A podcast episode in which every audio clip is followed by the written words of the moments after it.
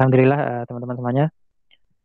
Uh, mengawali dari tema yang kita angkat di kesempatan ini yaitu tentang salah satu profil dari 10 uh, sahabat yang diberikan kabar gembira sebagai penghuni surga ketika beliau masih hidup yakni tentang sahabat mulia Sa'ad bin Abi Waqqas ya yang mana kita tentu sering mendengarkan uh, nama beliau disebut-sebut dalam tarikh Islam dalam sejarah Rasulullah ya sebagai sahabat dekat Rasulullah dan beliau ini memiliki banyak julukan ya. Di antara julukan beliau yang uh, masyhur yaitu sebagai paman Nabi, khalun Nabi. Ya, jadi paman dari dari jalur ibu ibunda Rasulullah Muhammad Shallallahu Alaihi Wasallam.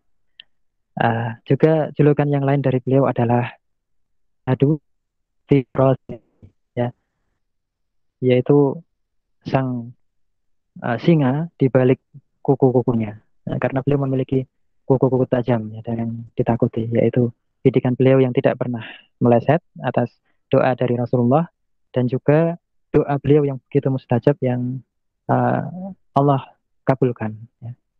Nah, teman-teman mengenal uh, sosok sahabat mulia Sa'ad bin Abi Waqqas. Kita mulai dari nasab beliau, dari uh, keluarga beliau bahwa beliau adalah dari Bani Zuhrah. Bani Zuhrah masih uh, masih uh, kerabat dekat dari Bani Hashim ya. Dan uh, nasab beliau bertemu dengan Nabi ya. Itu adalah dari jalur ibunda Nabi Muhammad SAW yaitu Aminah binti Wahab ibunda Rasulullah. Uh, kakek Rasulullah yang namanya Wahab itu uh, Aminah binti Wahab ayah dari ibunda Aminah itu memiliki seorang saudara yang bernama Uhaib ya dan Uhaib ini memiliki anak yang disebut uh, anaknya adalah Malik ya, tidak salah, yang memiliki uh, kunyah Abu Waqqas ya, Abu Waqqas. Ya, beliau adalah ayah anda dari uh, sahabat Sa'ad. Sehingga uh, ada riwayat bahwa Rasulullah uh, memanggil beliau sebagai paman beliau ya.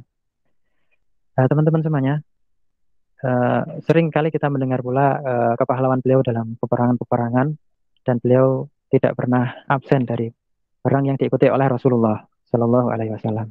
Hampir beliau selalu mengikuti semua perang yang Rasulullah ikuti perang itu. Ya, sehingga beliau dikenal sebagai uh, kesatria di medan perang dan juga memiliki kepemimpinan yang tinggi.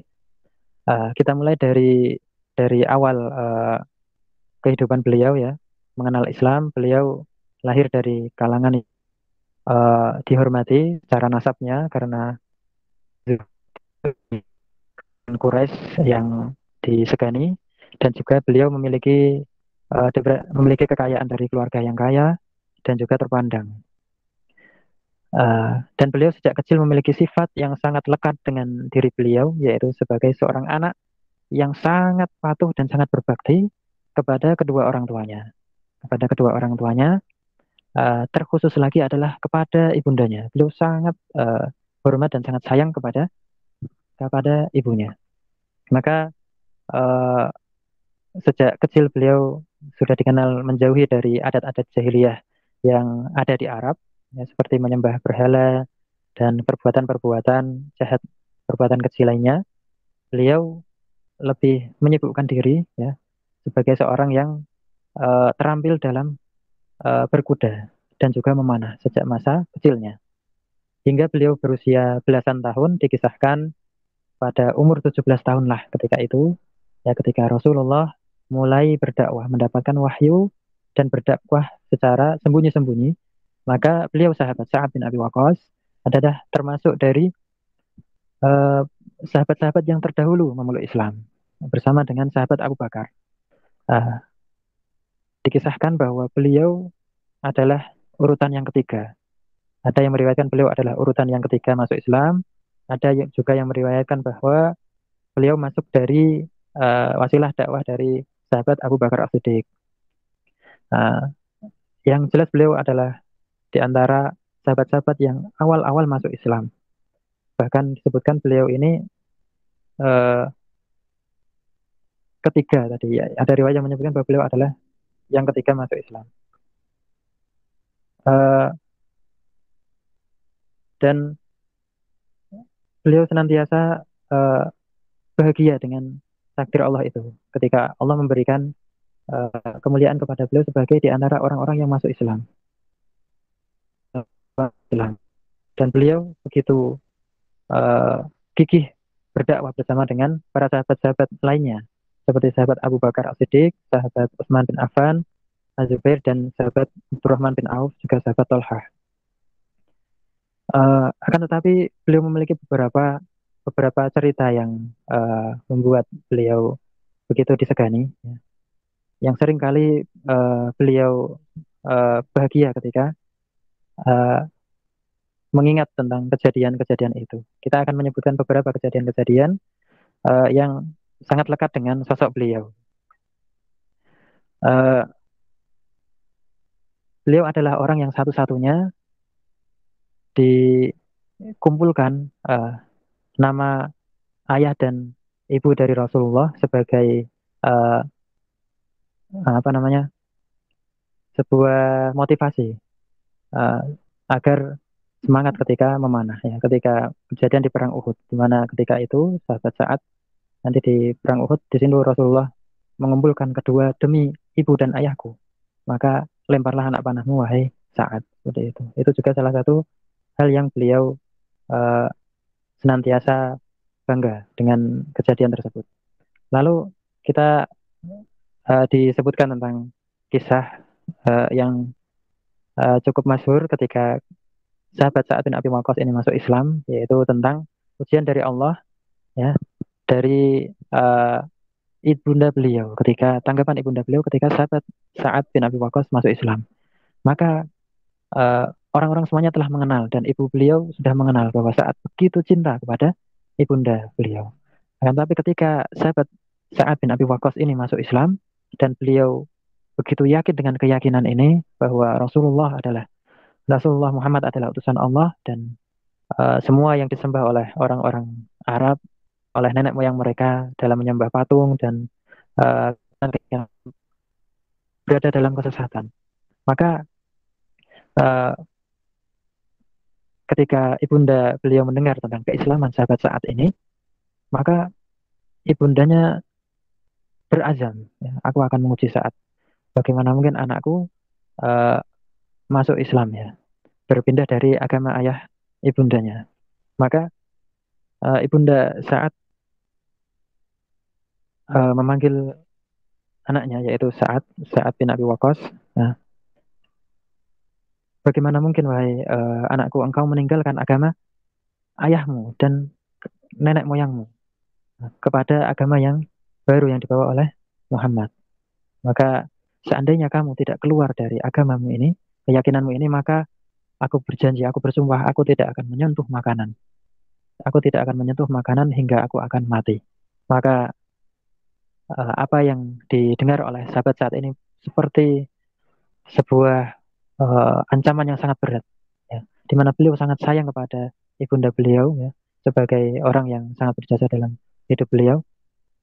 Uh, tetapi keyakinan ini telah kuat di dalam dada sahabat saat sehingga wahai ibuku, beliau menjawab, aku akan tetap dalam agama Muhammad. Maka benar setelah itu uh, ibundanya melaksanakan apa yang diancamkan pada saat ibundanya uh, sama sekali tidak mau menyentuh makanan, sama sekali tidak menyentuh makanan sampai berhari-hari hingga kelihatan uh, sungguh lemah uh, fisik beliau hingga mendekati ajal kematian. Maka ketika saat yang sangat memiriskan itu dan sahabat saat begitu sedih dengan keadaan ibundanya, maka sahabat saat um, mendatangi ibundanya di saat-saat terakhir itu. Saat-saat terakhir ketika ibunda beliau dalam keadaan yang sangat kritis, uh, beliau mendatangi ibunya dengan penuh kasih sayang, dengan penuh kelembutan, wahai ibunda, sesungguhnya uh, aku begitu yakin dengan agama dan demi Allah seandainya uh, engkau memiliki uh, 100 nyawa di riwayat lain 70 nyawa dan aku harus melihat engkau kesakitan nyawa uh, nyawa ibunda di keluar satu demi satu merasakan sakitnya aku tetap tidak akan meninggalkan agama yang aku anut ini yaitu agama Nabi Muhammad SAW Islam. Maka setelah mendengar uh, ucapan dari uh, anaknya yang dia sayangi ini ya dan keteguhan keimanan anaknya ini maka akhirnya ibunda beliau ini uh, berhenti dari dari keputusannya. Dia kembali mau makan dan menerima uh, tawaran makanan dari saat dan sahabat saat bin Abi Waqqas senantiasa berbuat baik kepada ibundanya uh, maka uh, sahabat saat bin Abi Waqqas bersama dengan Rasulullah berjuang dalam fase-fase dakwah beliau sejak di Mekah ya selama kurang lebih 12 tahun lebih ya sampai 13 tahun ya. Lalu ketika perintah hijrah ke Madinah uh, maka ketika itu beliau hijrah ke Madinah bersama dengan seorang adiknya ya, seorang adiknya yang masih belia yang bernama Umair. Umair bin Abi Waqqas ya. Uh, sampai di Madinah ya beliau mendapatkan penerimaan yang baik oleh para sahabat dari golongan Ansor di Madinah. Uh, lalu tibalah uh, masa ketika Rasulullah bersama kaum muslimin menghadapi pasukan besar dari kaum kafir Quraisy di perang yang pertama yaitu perang Badar. Dan beliau memilih mendapatkan kemuliaan yang sangat besar ya sebagai seorang yang pertama kali melepaskan anak panahnya di dalam Islam. Nah, jadi ketika uh, umat Islam itu pertama kali melakukan perangan ya, bertahan ya melawan uh, orang-orang musyrik, beliaulah orang pertama yang melepaskan anak panah visabilillah. Dan itu salah satu uh, hal yang disebutkan tentang beliau. Lalu ketika perang terjadi perang Badar itu, ya, uh, ketika itu sahabat uh, Sa'ad bin Abi Waqqas bersama dengan adiknya yaitu Umar bin Abi Waqqas mengikuti perang tersebut. Dan ketika itu ada kejadian yang uh, menarik, di mana ketika uh, adik beliau Umar bin Abi Waqqas yang masih kecil, yang masih beliau umur belasan tahun, tapi belum sampai 16 tahun, itu berusaha untuk menghindar dari penglihatan Rasulullah. Kenapa? Karena adiknya ini tahu bahwa dia masih kecil dan dia pasti tidak diizinkan oleh Rasulullah untuk ikut perang Badar. Dan perang Badar ini bukan sebuah kewajiban karena uh, latar belakang perang ini kan untuk mencegat uh, kafilah dagang Quraisy untuk mengambil kembali harta kaum muslimin yang dikuasai oleh orang-orang Quraisy di Mekah. Nah, Umair ikut dalam rombongan uh, pasukan perang Badar ini. Uh, ketika dia berusaha sembunyi, lalu akhirnya ketahuan juga sama Rasulullah. Uh, ketika ketahuan, uh, maka Umair ini sampai menangis, ya. menangis di hadapan Rasulullah. Dia takut kalau dia tidak diperbolehkan untuk ikut perang Badar. Dan benar Rasulullah tidak mengizinkannya. Maka ketika uh, Umar ini menangis tersedih-sedih dan begitu sedih karena beliau berharap untuk bisa andil bersama pasukan kaum muslimin di perang yang pertama yang begitu mulia uh, maka akhirnya karena begitu besar keinginan Umar ini maka akhirnya Rasulullah mengizinkan uh, adik uh, dari sahabat saat bin Abi Waqqas ini ikut perang Badar dan benarlah dua orang saudara ini ikut perang Badar. Lalu ketika pulang dari perang Badar uh, sahabat saat tidak menemukan adik beliau. Dan adik beliau termasuk dari orang yang syahid dalam perang Badar. Dan beliau sangat uh, cukup kehilangan uh, tapi beliau bangga karena adik beliau telah mendahului mendapat kemuliaan sebagai salah satu uh, suhada perang Badar yang dijamin untuk masuk surga. Uh, teman-teman semuanya, uh, jadi di perang Badar beliau ikut di situ dan memiliki kemuliaan sebagai yang pertama melemparkan panah di dalam Islam. Uh, selanjutnya yang uh, terkenal yaitu ketika kaum muslimin menghadapi eh, orang-orang kafir Mekah di perang Uhud ya. uh, beliau termasuk dari uh, beberapa sahabat yang tersisa yang bersama Rasulullah ketika terjadi serangan balik dari orang-orang uh, musyrikin Mekah di mana di perang Uhud di sana terjadi ketika awal perang kaum muslimin menang lalu ada uh, ketidaktaatan dari pasukan pemanah yang diamanahi di belakang yang dia mereka pergi dari pos yang ditugaskan. Lalu akhirnya keadaan berbalik ketika pasukan kavaleri Quraisy menyerbu dari belakang dan memecah uh, pasukan Islam sehingga uh, sampai Rasulullah berada dalam titik yang sangat mengkhawatirkan keamanan beliau hingga beliau terperosok di dalam uh, lubang-lubang perangkap yang disiapkan oleh pasukan Quraisy dan beliau sampai terluka dengan luka yang cukup dalam di muka beliau dan berdarah dan sahabat uh, saat ini termasuk dari sahabat sahabat-sahabat yang mempertahankan keberadaan Nabi. Ya. dikisahkan ada kisah yang uh, begitu uh, terkenal yaitu ketika sahabat saat sudah kehabisan anak panah beliau ketika perang tersebut. Nah, sampai hanya tersisa satu saja anak panah beliau dalam perang Uhud ini. Lalu ketika itu uh, ada kejadian di mana uh, seorang sahabiah ya, seorang uh, sahabat perempuan Ummu Aiman radhiyallahu anha, beliau yang bertugas untuk memberi minum kepada uh, pasukan kaum muslimin yang ketika itu sakit, yang ketika itu dirawat ketika perang ya. Beliau berlari-lari memberikan minuman kepada kaum muslimin yang terluka dan uh, uh, terluka ketika perang. Maka ketika itu ada seorang dari uh, pasukan Quraisy itu yang uh, memukul memukul Ummu Aiman sampai terjungkal. Sampai terjungkal dan beliau terluka dan juga tersingkap auratnya. Maka uh, Quraisy pun itu menertawakannya dan bersorak. Uh, memerintahkan kepada saat ya lemparlah wahai saat. Lemparlah pasukan uh, Quraisy itu. Wahai Rasulullah ya sesungguhnya busurku hanya satu sedangkan mereka ada banyak ketika itu pasukan Quraisy dalam jumlah yang sangat banyak yang mengolok-olok dan uh, menantang kaum muslimin ya. Nah, sedangkan saat hanya membawa satu buah panah ya. Maka diperintahkan oleh Rasulullah untuk untuk melemparkan panahnya. Maka sahabat saat uh, mengambil anak panah beliau ini yang tinggal satu ini dan beliau panahkan ke arah musuh yang melakukan perbuatan tadi dan benar mengenai sasaran dan musuh itu terjatuh mati.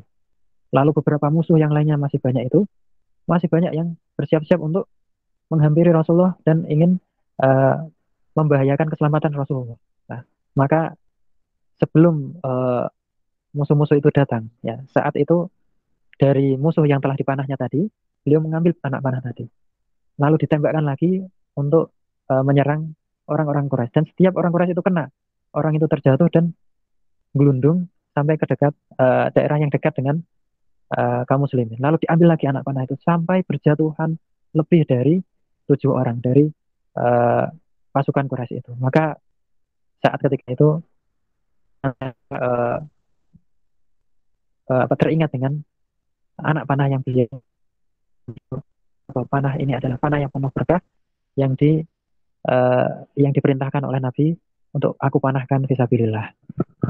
Dan uh, pada perang Uhud ini pula lah ketika itu Rasulullah uh, sering kali memerintahkan saat untuk memanah memanah pasukan Quraisy ya. Bahkan beliau mengatakan irmi ya saat tidak ke abi wa. Nah, lemparlah panahmu wahai saat ya ayah dan ibuku sebagai tanggunganmu. Nah ini adalah satu-satunya orang yang uh, Rasulullah bersabda kepada beliau tidak ke abi wa ya mengumpulkan uh, nama kedua orang tua beliau untuk memerintahkan untuk memperkuat perintah kepada seorang sahabatnya. Uh, maka sahabat saat begitu uh, begitu uh, terlihat beliau di perang di perang Uhud ini. Sampai setiap kali uh, sahabat saat ini melemparkan panah beliau, maka uh, Rasulullah selalu melihat ya ke mana arah panahan saat ya dan mendoakan beliau ya sampai sampai musuh itu tumbang. Maka dan terlihat bahwa Rasulullah itu selalu mengamati musuh-musuh beliau. Sangat perhatian, sangat mengetahui letak lokasi musuh-musuh yang menyerang beliau. Sehingga sahabat saat dan sahabat-sahabat yang lainnya berkata, wahai Rasulullah, cukuplah uh, leherku adalah untuk lehermu, wahai Rasulullah, dan badanku untuk menghalangi semua serangan dari musyrikin itu. Maka ketika perang Uhud ini, beliau sahabat Sa'ad bin Abi Waqqas dan sahabat-sahabat yang lainnya memperoleh kemuliaan dengan banyak sekali eh, luka-luka uh, yang beliau terima fisabilillah ketika perang Uhud mempertahankan keberadaan Rasulullah Shallallahu Alaihi Wasallam. Ya. Nah, teman-teman, uh, Selanjutnya di uh, semua peperangan yang diikuti oleh Rasulullah, maka sahabat saat selalu ikut dalam peperangan ini. Hingga uh, Rasulullah wafat, uh, lalu kehilafan sahabat Abu Bakar, kehilafan Umar bin Khattab. Uh, pada kehilafan Umar bin Khattab inilah uh, sepak terjang beliau sangat sangat dibutuhkan oleh kaum muslimin, di mana uh, sahabat Umar bin Khattab uh, sebagai khalifah kaum muslimin ketika itu menghadapi bahaya yang besar dari uh, Imperium Persia dan juga Romawi ketika itu langsung berhadapan dengan superpower ya di masa itu. Uh, sahabat Sa'ad bin Abi Waqqas beliau dipilih sebagai pemimpin dari uh, pasukan kaum muslimin yang uh, berangkat menuju perang melawan Persia. Dan ketika itu sebelum uh, sebelum sebelum Rasulullah eh, sebelum sahabat Umar berangkat ke Syam ke Persia, beliau hendak untuk menghadapi pasukan Syam ini dengan sendirinya. Artinya beliau ingin memimpin pasukan kaum muslimin dalam peperangan melawan Persia karena menyadari begitu bahayanya, begitu kuatnya Persia saat itu dan begitu besar permusuhan dan penolakan Persia ya uh, terhadap dakwah Islam. Maka ketika sahabat Umar ingin berangkat ke Persia, sudah memutuskan untuk memimpin pasukan kaum muslimin yang berjumlah 30 ribu menuju Persia.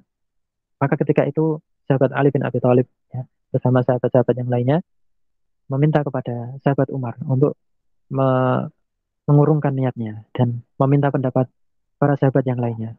Bahwa para sahabat yang lain ya ahlul hilli wal abdi dan dewan syuro sahabat uh, sepakat untuk uh, meminta sahabat Umar untuk menunjuk seorang panglima sebagai wakil beliau yang memimpin pasukan menuju peperangan melawan Persia. Karena keberadaan beliau sangatlah uh, penting berada di Madinah untuk mengkoordinir uh, kaum muslimin ya di seluruh penjuru ketika itu yang juga bersebelahan langsung dengan pasukan yang dikirim ke Romawi, ke Syam. Maka akhirnya sahabat Umar setuju. Lalu beliau bertanya, siapakah yang akan kita tunjuk untuk memimpin kaum muslimin dalam peperangan yang begitu begitu penting ini. Maka ketika itu Abdurrahman dari uh, Dewan Suro sahabat yang uh, dipilih oleh sahabat Umar bin Khattab uh, mengusulkan bahwa aku sudah menemukan orangnya, wahai wahai Al Faruq. Ya. Beliau adalah Al, Al Usdu di sini, yaitu singa yang memiliki cakar-cakarnya. Nah, di sinilah uh, julukan itu muncul, yaitu dari sahabat Abdurrahman bin Auf. Nah, yaitu Sa'ad bin Malik Az-Zuhri atau Sa'ad bin Abi Waqqas. Ya. Maka sahabat saat dipanggil oleh Rasulullah oleh sahabat Umar bin Khattab oleh Khalifah Umar lalu diserahkan kepada kepada beliau panji uh, menuju peperangan melawan Persia dan Persia ya teman-teman ini uh, sejak uh, tahun 9 Hijriah dahulu ketika uh, Rasulullah mengirimkan surat-surat ke raja-raja ya ke semua raja-raja di penjuru dunia mengajak mereka untuk masuk Islam. Nah, sejak saat zaman Rasulullah, uh, Kisra pada zaman itu menolak ajakan Nabi untuk berislam. Dan dia menyobek-nyobek uh, surat dari Rasulullah ya, dan menantang Rasulullah uh, akan menghancurkan umat kaum muslimin di eh, di kota Madinah. Uh, maka uh, Rasulullah mendoakan ya, bahwa uh, Allah akan mencabik-cabik kerajaan Persia itu. Pasca ke kejadian itu benar di Persia itu terjadi kudeta keluarga ya. Ada kudeta yang dilakukan oleh keluarga kerajaan sendiri bahkan di saat Rasulullah masih hidup ya. Dan itu adalah doa dari Rasulullah atas penolakan yang dilakukan oleh Kisra pada saat itu, pemimpin dari uh, Imperium Persia. Nah, maka uh, pada zaman uh, sahabat Umar ketika itu Persia sudah mengumpulkan kembali kekuatannya yang besar di bawah uh, Kisranya yang baru dari keturunan uh, keturunan raja mereka yaitu Yazdajir dan Persia ketika itu memiliki panglima yang paling dikatakan panglima yang paling ditakuti dalam dunia militer ya. Yang, yang disebut orang yang paling uh, cerdik dalam peperangan ya, ketika zaman itu di tingkat dunia yaitu uh, panglima mereka adalah Rustum. Dan Persia ketika itu memiliki kecanggihan alat perang yang paling paling tinggi dalam dunia peperangan dan mereka memiliki uh, pasukan yang sangat besar. Sangat besar dan memiliki pasukan-pasukan yang unik ya. Ada pasukan bergajah ada pasukan uh, pasukan-pasukan yang memiliki keahlian-keahlian yang sangat ditakuti. Dan beberapa kali memang Romawi kalah dari Persia ketika zaman itu. Uh, maka pasukan kaum muslimin ini mendapati musuh yang sangat sangat uh, besar ya bahwa musuh yang mereka hadapi ada ratusan ribu pasukan Persia yang begitu terlatih dalam peperangan. Ya. dan mereka berada di negeri mereka yang secara uh, apa uh, bentang alam memiliki uh, kekhususan ya yang berbeda dengan uh, suasana di gurun di di daerah Hijaz. Maka berperang dengan musuh yang uh, lebih menguasai keadaan. Kalau kita dari uh, daerah yang berbeda kebiasaannya itu merupakan tantangan yang berat. Nah, tetapi uh, masya Allah ya para sahabat ini adalah didikan-didikan uh, yang luar biasa yang disiapkan oleh Nabi ya manusia-manusia yang uh, terbaik di muka bumi saat itu. Maka uh, berangkatlah saat bin Abi Waqqas bersama pasukan kaum muslimin yang jumlahnya 30 ribu pasukan. Dan itu adalah pasukan yang sangat besar bagi kaum muslimin. Akan tetapi lawan mereka adalah lawan yang sangat besar yang jumlahnya mencapai ratusan ribu pasukan. Maka ketika pertempuran di Kodisiyah ya, ada uh, kisah menarik ya di mana para sahabat itu yang bertempur di Kodisiyah ya, di bawah pimpinan oleh pimpinan sahabat Sa'ad bin Abi Waqqas itu senantiasa kuatkan keimanannya oleh oleh para pimpinan, oleh komandan-komandannya. Yaitu mereka senantiasa berzikir dan memperbaiki amalan-amalan mereka. Hingga senjata mereka adalah doa-doa dan keimanan mereka. Bukan dari kecanggihan alat mereka, akan tapi dari uh, kesolihan-kesolihan mereka. Dikisahkan ketika menyeberangi sebuah sungai yang sangat besar, yang ketika itu dalam keadaan yang sedang banjirnya yang meluap-luap yaitu Sungai Dajlah. Nah, ketika itu ya, ketika sampai di bibir sungai ya, dan uh, Panglima saat senantiasa mengingatkan mengingatkan seluruh pasukannya untuk, untuk senantiasa bertawakal kepada Allah ya dan senantiasa berzikir kepada Allah. Mereka membaca hasbunallah wa ni'mal wakil, ni'mal maula wa ni'mal nasir. Menghadapi pasukan yang sudah siap menyongsong mereka di seberang sungai ya yang ketika orang akan menyeberang, orang-orang Persia menganggap mengira bahwa orang-orang Arab akan menyeberanginya dengan cara-cara yang sudah mereka sudah mereka uh, siapkan akan mereka serang. Tapi ternyata uh, Allah menurunkan ya uh, rasa takut kepada hati orang-orang Persia atas izin Allah dan kaum muslimin menyeberangi sungai yang begitu besar dan meluap-luap airnya itu seperti berjalan di atas di atas daratan. Dan mereka sambil bercakap-cakap di antara mereka, di atas kuda-kuda mereka, berjalan di atas air. Dan itu diriwayatkan. Sampai ada keadaan. Seakan-akan mereka tidak merasa bahwa mereka sedang uh, menyeberangi sungai yang sangat besar. Sampai dikisahkan ada seorang yang ke uh, bejananya atau tempat makannya itu jatuh di permukaan air dan dia mencari-carinya dan bejana itu datang kembali kepada si pemilik uh, bejana tadi dari kalangan sahabat itu.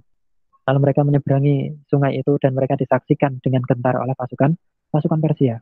Ini adalah bentuk karomah Allah kepada uh, pasukan saat Nabi Waqqas ketika itu. Dan pasukan Persia uh, memperoleh uh, ketika bertemu dengan kaum muslimin dan itu semata-mata adalah uh, atas kesolehan dan pertolongan kesolehan uh, kaum muslimin, kesolehan para sahabat dan juga pertolongan dari Allah Subhanahu wa taala. Uh, sehingga uh, dan uh, ada yang sedikit terlewat sebelumnya sebelum peperangan itu sahabat saat senantiasa menyampaikan dakwah dahulu sebelum uh, peperangan menyampaikan ajakan kepada Islam. Uh, lalu ketika benar uh, uh, jawaban dari mereka adalah penolakan maka beliau memerangi mereka. Dan ada salah satu yang terlewat tadi ya perkataan yang ini sering kita dengar. Dakwah atau seruan dari sahabat saat kepada pasukan pasukan uh, Persia ketika itu. Bahwa uh,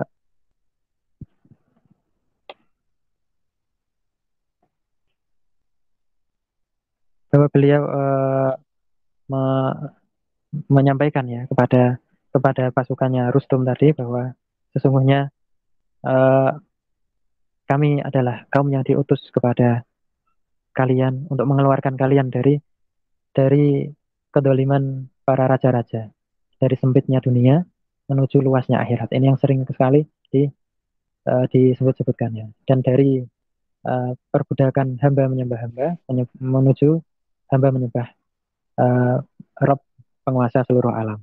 Nah, ini yang sering kali kita dengar ya kata-kata ini yang memberikan inspirasi bahwa kaum muslimin ini selalu memberikan solusi ya dari kedoliman-kedoliman yang terjadi di dunia ini.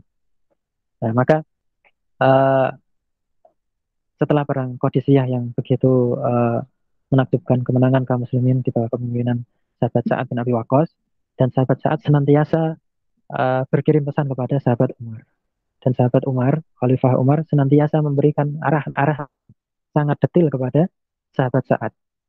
Dan ini adalah bentuk uh, cocokan ya antara uh, sahabat Sa'ad bin Abi Waqqas yang senantiasa berkoordinasi dengan sang khalifah dan khalifah Umar adalah uh, khalifah yang senantiasa sangat uh, memikirkan hingga detail di uh, di kancah peperangan bagaimana cara menyelesaikan masalah-masalah yang dihadapi oleh kaum muslimin uh, atau uh, pasukan muslim di di peperangan di garis depan. Maka uh, diriwayatkan bahwa beliau sampai berkirim pesan itu setiap hari. Jadi setiap hari sahabat saat mengirimkan uh, pengirim pesan ke Madinah dan setiap hari pula sahabat Umar ya Khalifah Umar uh, membalas dan memberikan arahan kepada sahabat saat dan itu terus menerus antara Persia ya di daerah Irak dan sahabat Umar di Madinah. Nah, itu adalah bentuk uh, bagaimana uh, sahabat saat sangat mengetahui bahwa di sekeliling sahabat Umar ada sahabat-sahabat mulia, sahabat-sahabat Dewan Syuro sahabat yang senantiasa uh, para sahabat yang mulia ini menjadi rujukan sahabat Umar di dalam memutuskan sebuah perkara. Maka sahabat saat mengetahui, mengetahui hal ini dan uh, menggunakannya dengan sebaik mungkin. Setelah perang Kodisiyah ini ada satu perang lagi ketika melawan Persia ini yang merupakan penentu dari perang melawan Irak yaitu perang Madain. Perang Madain ini adalah uh, perang menuju ibu kota Persia ketika itu di Madain. Nah, di Madain ini adalah di sana terdapat uh, istana Kisra Persia yang setelah kekalahan di Qadisiyah, ya, uh, kaum muslimin uh, akan senantiasa uh, mendapatkan kesulitan ketika orang-orang uh, Persia, kerajaan Persia masih uh, kuat di Madain. Maka diaturlah peperangan perang Madain ini. Uh, dan sahabat saat membariskan uh, posisi-posisi pasukannya dan ketika itu beliau mendapatkan mendapatkan ujian yang berat dari Allah Subhanahu wa taala. Pada perang Madain ini di uh, perang melawan Persia di akhir uh, uh, garis pertahanan Persia di di Madain, beliau uh, mendapatkan ujian dari Allah berupa sakit uh, di sekujur tubuhnya yang tubuh beliau bengkak uh, dan uh, menimbulkan luka-luka yang yang ada di sekujur tubuhnya dan beliau dalam keadaan demam dan sangat lemah dan ketika itu beliau uh, sampai tidak bisa bergerak dan hanya bisa uh, tergeletak di atas uh, bantalnya. Tapi dalam keadaan yang sangat parah itu, kalau mungkin sekarang kita bisa bayangkan ya orang yang sedang sakit uh, di di apa di ruang yang intensif yang merintih kesakitan dengan perawatan yang uh, sangat merepotkan ya dan keadaan yang lemah tetapi beliau memiliki memiliki amanah yang sangat besar ketika itu dan kegentingan yang sangat yang sangat genting di mana beliau menghadapi pasukan terakhir dari uh, pasukan Persia yang akan mempertahankan kerajaan mereka sekuat tenaga. Maka beliau ketika itu mengkomandoi uh, perang ini dengan sungguh-sungguh. Dan ketika perang berkecamuk maka seluruh luka beliau ini sampai pecah. Sampai pecah dan penuh uh, luka-luka beliau ini di sekujur tubuh beliau ini ya. Pecah semuanya gitu uh, apa bisul-bisulnya. Dan beliau merasakan uh, rasa sakitnya. Dan beliau sendiri uh, anak panah anak panah musuh itu sampai di tenda beliau. Di tenda komando beliau. Dan beliau tidak pernah gentar dengan itu semuanya uh, dan akhirnya Allah memberikan ke kemenangan kepada kaum muslimin di barang Madain ini dan jatuhlah uh, Imperium Persia sampai tidak tersisa dan seluruh uh, Persia ketika itu ditaklukkan di uh, oleh kaum muslimin atas izin Allah Subhanahu wa taala. Dan ketika itu telah habis Imperium Persia tidak tersisa. Tidak tersisa dan uh, setelah itu sahabat Sa'ad bin Abi Waqqas membangun pusat uh, peradaban muslimin di Irak ya. Uh, mendirikan kota Kufah dan beliau adalah gubernurnya. Hingga di masa akhir pemerintahan sahabat Umar ketika itu uh, ada sedikit cerita tentang beberapa warga dari Kufah mengadu kepada sahabat Umar ya bahwa saat ini uh, beliau sholatnya mengadukan sholat sahabat saat ketika memimpin sholat di Kufah. Karena para pemimpin di masa itu sekaligus sebagai kodi tertinggi ya uh, pemutus hukum yang tertinggi juga sebagai imam. Imam dalam sholat uh, di oleh di sholat kaum muslimin. Nah, ketika itu mengadukan bahwa sholat beliau sangat lama ya, itu diadukan ke sahabat Umar. Dan ketika itu sahabat uh, saat ketika itu uh, seketika datang di Madinah dan mendapatkan aduan itu lalu uh, ketika ditanya oleh Khalifah Umar tentang hal itu wahai uh, sahabatku sesungguhnya aku sholat ke, di depan mereka. Sebagaimana dulu guru kita dulu Nabi sholat uh, memimpin sholat uh, yaitu memanjangkan dua rakaat pertama uh, dan memendekkan dua rakaat yang setelahnya. Ketika sholat empat rakaat. Nah, dan orang-orang Kufah mengira bahwa itu itu adalah sesuatu yang dibuat atau sesuatu yang berusaha untuk memberatkan. Maka setelah sahabat uh, Khalifah uh, Khalifah Umar mengetahui uh, kejadian itu, maka uh, sahabat saat ini di disemangati. Ya, teruslah uh, kamu memimpin di Kufah. Maka ketika itu tetapi sahabat saat menolaknya. Aku tidak mau uh, memimpin mereka yang uh, mengadukan salatku uh, untuk memimpin mereka. Akhirnya ketika itu sahabat saat tidak mau kembali ke Kufah dan beliau memilih untuk uh, tetap di Madinah dan sahabat Umar radhiyallahu anhu memimpin pemimpin lain di Kufah. Maka singkat cerita, setelah itu uh, terjadilah apa yang terjadi uh, fitnah yang apa ujian yang ketika zaman uh, sahabat Ali dan sahabat Muawiyah ketika itu di mana terjadi peperangan di antara kaum muslimin yang di dipanasi yang dipanasi oleh kaum Khawarij kaum kaum pembangkang kaum kaum munafik ketika itu mengadu domba kaum muslimin. Nah, ketika itu sahabat uh, Sa'ad bin Abi Waqqas itu termasuk dari sahabat yang i'tizal ya yang yang uh, men menjauhkan diri dari perselisihan itu. Dan bahwa beliau memang ada uh, ada kisah ya yang kenapa beliau uh, salah satu di pernah disebut sebagai uh, penduduk surga. Nah, sahabat saat bin Abi Waqqas ini yang sudah diberikan busro sebagai orang yang masuk surga yang pernah uh, ketika suatu ketika itu Rasulullah uh, duduk bersama para sahabat dan uh, memberitahu para sahabat bahwa sebentar lagi ini akan datang seorang pemuda ahli surga dan ternyata orang itu yang datang setelahnya adalah saat bin Abi Waqqas lalu uh, ada sahabat yang ingin mencari tahu kenapa sahabat saat mendapatkan kemuliaan ini apa amalan uh, utama, amalan istimewa yang menjadikan beliau menjadi orang yang diberikan busro, diberikan kabar gembira sebagai penghuni surga ketika dia masih berjalan di atas muka bumi. Uh, maka setelah dicari tahu selama dua hari dan tidak ada yang sebenarnya tidak ada yang istimewa, ketika itu yang mencari tahu dia adalah sahabat Abdullah bin Amr bin As, Abdullah bin Amr bin As. Akhirnya beliau memberanikan diri untuk bertanya kepada sahabat saat, wahai sahabatku, wahai sahabat mulia saat bin Abi Waqqas, apakah uh, amalan yang istimewa darimu sehingga Rasulullah bersabda engkau adalah seorang pemuda ahli surga sedangkan aku selama dua hari bersamamu mencari tahu sepertinya amalanmu adalah amalan yang biasa. Maka sahabat saat ketika itu menjawabnya bahwa tidak ada amalan yang istimewa yang aku miliki.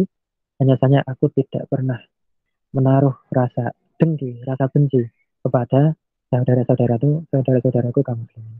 Dan begitulah sahabat saat bin Abi Waqqas ketika kejadian antara uh, sahabat Ali bin Abi Thalib dan sahabat Muawiyah itu uh, tidak tidak uh, tidak ikut di dalam salah satu dari kubu tersebut ya. hingga akhirnya uh, ketika sahabat Muawiyah Allah berikan kekuasaan kepada beliau sahabat Muawiyah mendatangi sahabat Sa'ad bin Abi Waqqas dan beliau adalah sisa-sisa uh, sahabat muhajirin yang tersisa ketika itu dan dikisahkan beliau adalah sahabat muhajirin yang terakhir yang hidup semasa itu. Maka uh, ketika itu sahabat saat uh, berkata kepada sahabat Muawiyah bahwasanya uh, ketika itu aku uh, ada ungkapan beliau ya bahwa aku yang bermimpi bersama teman-temanku dan aku mendapatkan kegelapan dan aku mengatakan ah, ah aku tidak nyaman dengan semua kegelapan ini Nah, maka sahabat Muawiyah uh, berkata kepada sahabat saat, sebenarnya aku tahu maksudnya.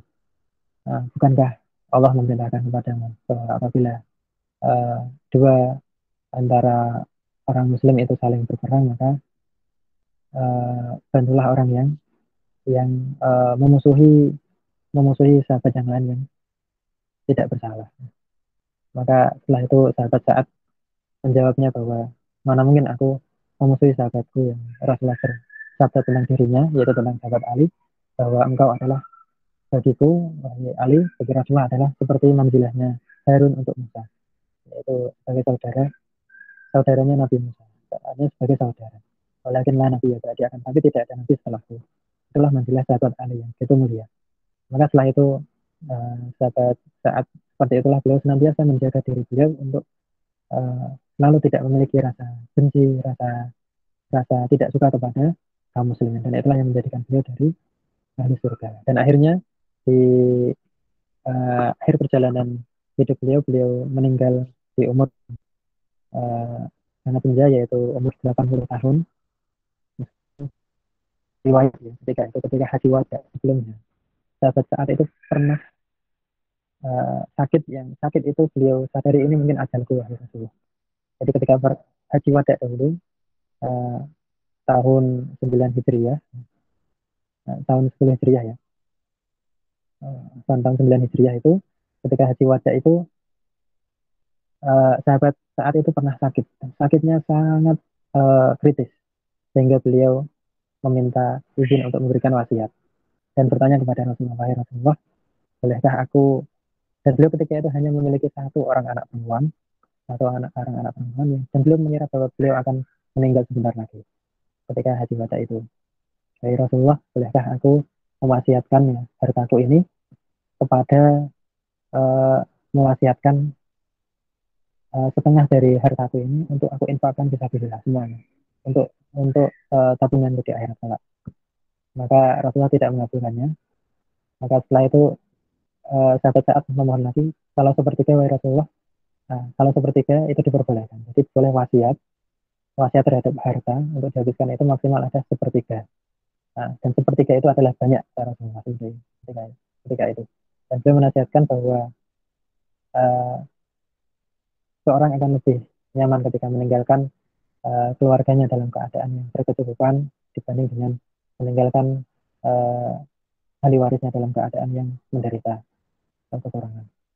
Nah, maka dan benar ternyata setelah itu sahabat saat tidak jadi meninggal.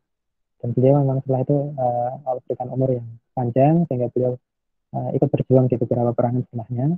Dan beliau memiliki anak yang banyak setelah itu. Tidak hanya satu orang anak. Dan itu keberkahan yang Allah berikan kepada sahabat saat bin Nabi Waqqas. Ya. Dan beliau akhirnya meninggal di umur beliau yang 80 tahun, usia 80 tahun. Dan beliau dikuburkan di Bapi di sahabat mulia ya di kuburan di Bakek ya. Dan ada kisah menarik ketika beliau uh, mendekati ajal beliau, beliau memanggil uh, anak-anak beliau dan meminta kepada uh, anak beliau untuk mengeluarkan uh, sebuah pakaian yang beliau simpan, pakaian yang lusuh yang sudah bertahun-tahun lama beliau simpan di sebuah kotak. Dan ketika pakaian itu dikeluarkan, beliau sungguh bahagia ketika melihat pakaian itu. Maka anak-anaknya semuanya bertanya, ya, apa, ada apa dengan pakaian itu? Dan beliau menceritakan bahwa pakaian ini adalah pakaian yang aku pakai ketika berjuang pertama kali bersama Rasulullah di Perang Badar bersama dengan adikku. Ya. Dan aku ingin aku dikafani dengan pakaian ini untuk bertemu dengan Robku, bertemu dengan Allah Subhanahu Wa Taala. Aku ingin dibangkitkan dengan pakaian ini sebagai bukti bahwa beliau telah uh, berjuang bersama Rasulullah dan berjuang fisabilillah sepanjang hayat beliau. Maka beliau pun dikafani menggunakan pakaian itu sesuai wasiat beliau. Nah, begitulah uh, kisah uh, tentang sahabat yang mulia, sahabat Sa'ad bin Abi Waqqas yang begitu uh, heroik dalam perjuangannya uh, memperjuangkan Islam dan bagaimana beliau uh, menahan diri dari rasa benci kepada sahabat muslim yang lainnya. Beliau tidak pernah sedikit pun memiliki rasa benci, rasa tidak suka kepada sahabat muslim lainnya. Nah, demikian yang uh, bisa kami sampaikan. Barangkali banyak kekurangan yang uh, bisa kami berikan. Kami mohon maaf. Kami kembalikan kepada ahli Zulfikar